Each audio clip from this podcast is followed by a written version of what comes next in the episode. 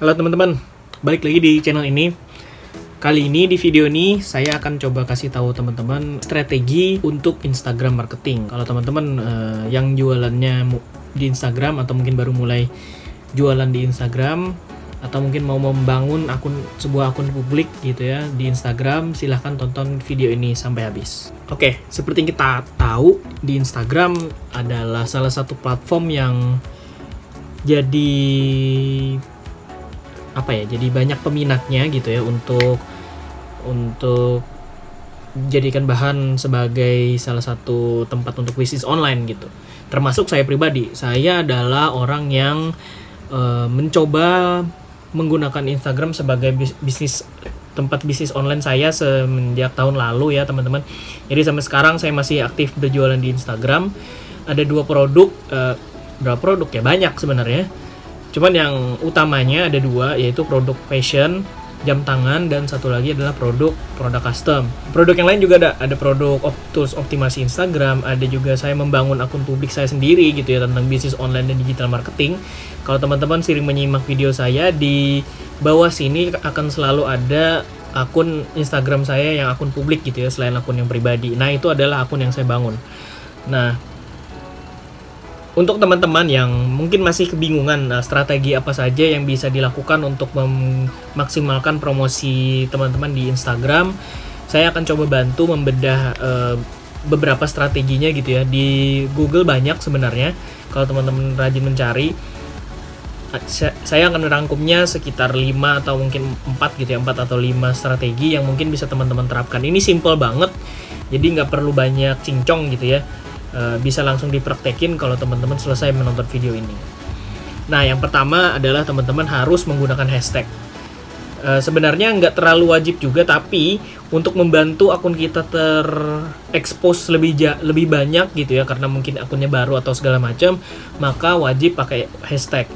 Hashtagnya apa? Hashtagnya adalah sesuatu yang ada hubungannya dengan produk yang kita tawarkan atau mungkin personal brand yang akan kita bangun gitu. Ini misalnya kalau misalnya pengen ngeluarin konten tentang bisnis online, maka hashtagnya adalah hal-hal yang berhubungan dengan bisnis online.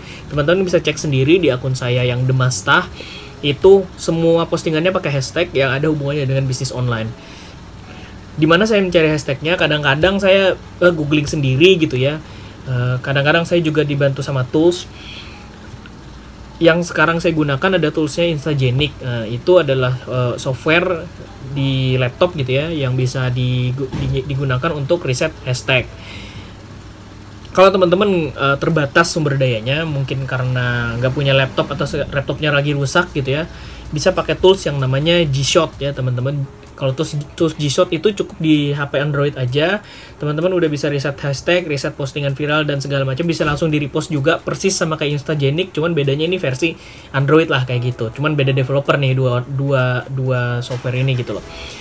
Nah, di lengkapnya uh, tools G-Shot ini ada di mana? Ada di pinned comment nanti silahkan teman-teman baca sendiri. Hashtag maksimalnya ada berapa sih? Kalau menurut saya sih nggak usah banyak-banyak ya teman-teman kurang dari 30 yang pastikan maksimal hashtagnya sekarang 30 nih.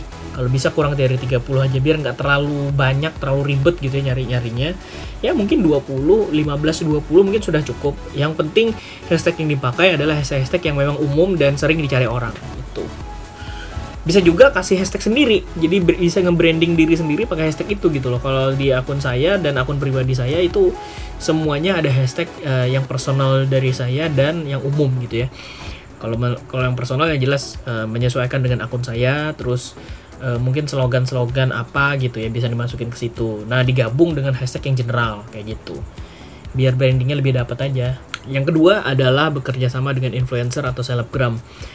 Untuk awal-awal mungkin agak-agak ini ya agak-agak terlalu terlalu boros mungkin ya karena mungkin budget teman-teman masih tipis atau kayak gimana uh, bisa ditabung dulu kalau misalnya udah dapat penghasil udah dapat profit gitu ya. Di bulan per, sebulan dua bulan pertama mungkin udah dapat profit uh, bisa ditabung dulu um, survei survei dulu kira-kira selebgram apa mana influencer mana yang cocok dengan uh, positioning kita di market kita dan dan mereka juga punya target market yang uh, apa bukan target uh, followers yang sama dengan kita. Mungkin ada irisannya kayak gimana bisa di survei-survei dulu kita lihat-lihat dulu harganya kayak gimana insight akun mereka kayak gimana apakah akunnya itu cuman endorsan doang postingannya atau mungkin ada postingan selingan yang lain yang memang personal buat dia kayak gitu ya. Kalau bisa sih milih selebgram atau influencernya yang memang bukan akun yang khusus untuk menerima endorse doang gitu loh. Jadi uh, postingannya tercampur dengan postingan-postingan yang yang apa istilahnya yang personal gitu loh. Jadi sesekali dia posting endorse gitu ya. Misalnya dalam 9 kotak feed itu postingan endorse mungkin tiga atau empat mungkin masih wajar kali ya. Tapi kalau udah 6 dari 9 wah itu udah nggak wajar teman-teman. Ya, artinya dia terlalu banyak menerima endorse dan feedsnya jadi tidak sehat gitu loh. Jadi orang males bakal liatnya gitu loh. Liatin aja like-nya pasti sedikit biasanya kayak yang kayak gitu. Kerjasamanya berapa berapa bulan sekali atau berapa minggu sekali? Terserah teman-teman sih. Sesuaikan budget aja kalau misalnya teman-teman punya budget yang lebih dan uh, memang targetnya sesuai dengan dengan uh, akun kita bisa dua kali sebulan mungkin bisa jadi uh, asal budgetnya sesuai ya. Dan memang uh, apa ya selebgramnya memang cocok dengan uh, followers yang kita mau gitu loh. Dan followersnya juga aktif dan uh, juga banyak terjadi closing dari dari dia. Nah monggo silahkan di di lebih sering aja dibikin lebih sering aja endorse ke dia gitu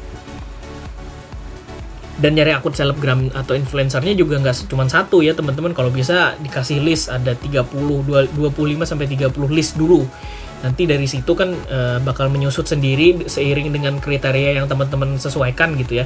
Nah dari situ bakal mungkin bisa tersaring jadi 10 aja atau mungkin 7 mungkin. Nah dari dari situ kita bisa riset tuh e, gimana kira-kira e, interaksinya sesama followers atau kayak atau misalnya kontennya mungkin uh, dia mungkin bikin sendiri atau dari kita gitu ya itu akan akan ada perbedaan-perbedaan tersendiri lah kayak gitu.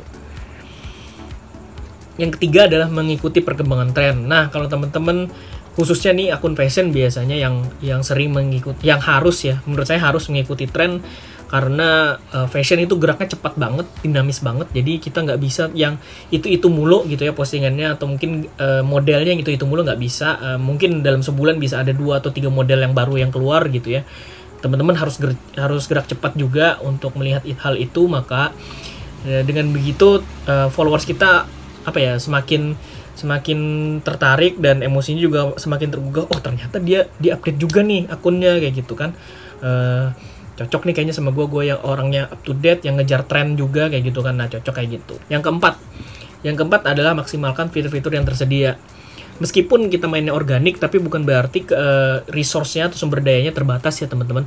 Di Instagram udah banyak banget uh, tools yang disediakan oleh mereka yang bisa kita pakai untuk mengetahui uh, insight apa aja yang kita yang bisa kita dapatkan di akun kita sendiri Uh, ini akan lebih maksimal ketika akun akun Instagram kita sudah menjadi profil bisnis ya teman-teman. Bukan profil yang personal.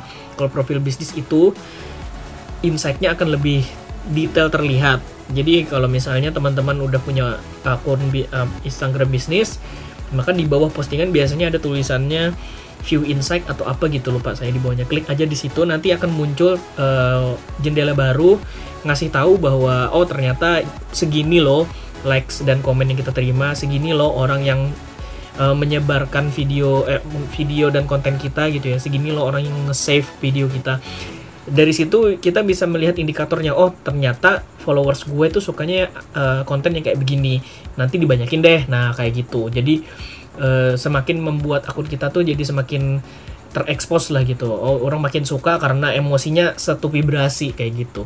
Jadi teman-teman bisa melihat di sana ya nanti ada lebih lengkapnya lagi. Kalau misalnya di swipe lagi ke atas bakal ada kelihatan uh, jangkauan uh, kontennya itu udah berapa luas gitu ya. Mungkin ada yang biasanya ada tulisannya 8% of non followers view your content. Biasanya kayak gitulah uh, intinya. Nah kalau dilihat dari situ berarti oh ternyata uh, 8% dari orang yang gak ngefollow ngelihat konten kita gimana caranya bisa memperluas hal itu bisa dengan bisa dengan hashtag bisa dengan uh, konten yang menarik gitu ya biar disebar ke biar makin banyak orang yang nyebar konten kita kayak gitu. Biar masuk ke tab explore juga kayak gitu ya. Semakin semakin bagus interaksi sebuah konten maka akan semakin direkomendasikan untuk masuk ke tab explore. Uh, dengan demikian maka uh, feedbacknya ke kita adalah akun kita semakin tersebar luas gitu ya um, orang-orang jadi tahu dan yang mungkin sama target marketnya dan sama emosinya bakal ngefollow juga kayak gitu. Mainkan juga IGTV-nya ya teman-teman. Uh, yang paling aktif IGTV ya, salah satu yang saya lihat adalah uh, akunnya dari Gary V Gary Vaynerchuk itu. Dia memaksimalkan semuanya. Jadi IG story ada konten di video di feeds ada konten di IGTV juga ada gitu loh di YouTube juga ada dia. Di mana-mana lah pokoknya. Jadi kita seharusnya kayak gitu juga. Jadi setiap hari aktif gitu ya. Ya kalau nggak bisa setiap hari tiga kali seminggu mungkin atau dua kali seminggu gitu ya. Siapin kontennya yang IGTV, konten video, konten feed segala macam kayak gitu ya. Di dikombinasikan aja biar followers kita tuh nggak bosan konten itu itu mulu gitu. Nah kalau misalnya IG bisnis teman-teman tuh kita, bisa lihat juga jam aktif follower tuh jam berapa aja gitu loh. Jadi kita bisa menyesuaikan dengan uh, jam mereka gitu ya. Misalnya aktifnya jam 9 malam atau mungkin jam 6 sore kita bisa mengupload konten kita mungkin sejam atau setengah jam sebelum jam aktif itu jadi biar uh, jangkauannya jadi maksimal kayak gitu kalau teman-teman sibuk uh, di Gshot ada sudah ada fitur uh, auto postnya teman-teman jadi teman-teman tinggal setting aja sesuaikan dengan insight di akun bisnis teman-teman gitu ya. Oh ternyata di hari ini jam jam sekian follower gue tuh paling aktif. Nah disesuaikan dengan uh, jadwal di situ sesuaikan dengan uh, di menggunakan Gshot. Jadi teman-teman tuh tinggal setting-setting sedikit aja Gshot yang akan mengupload otomatis kayak gitu. Kalau teman-teman sibuk ya kalau nggak sibuk ya silahkan bikin sendiri nggak apa-apa yang terakhir ini yang sering banget dilupakan adalah berinteraksi dengan followers dan audiens kita. Kadang-kadang saya sering banget tuh lihat akun-akun yang udah followersnya gede atau mungkin akun-akun kecil gitu ya yang komen justru dicuekin kayak gitu nggak dibales. Udah 6 jam yang lalu 7 jam yang lalu nggak dibalas mungkin nggak aktif gitu ya tapi akunnya update terus gitu loh.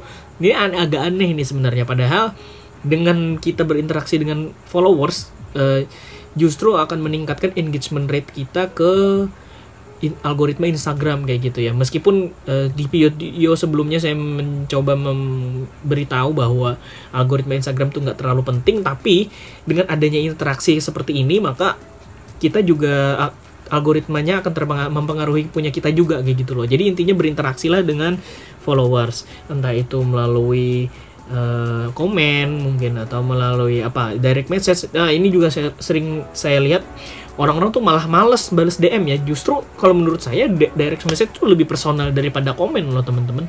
Karena mereka tuh niat banget untuk ngirim direct message gitu loh. Kalau cuman komen kan orang bisa sambil lewat aja ngomen ih lucu kayak gitu kan bisa. Ih bagus. Ya udah kalau direct message kan ada ada usahanya gitu loh. Lebih lebih e, lebih ada effortnya di sana. Nah kita akan lebih apa ya istilahnya kalau kalau saya sih akan menghargai orang-orang yang menkontak akun saya melalui direct message daripada komen gitu ya. Walaupun dua-duanya juga harus diprioritaskan kayak gitu.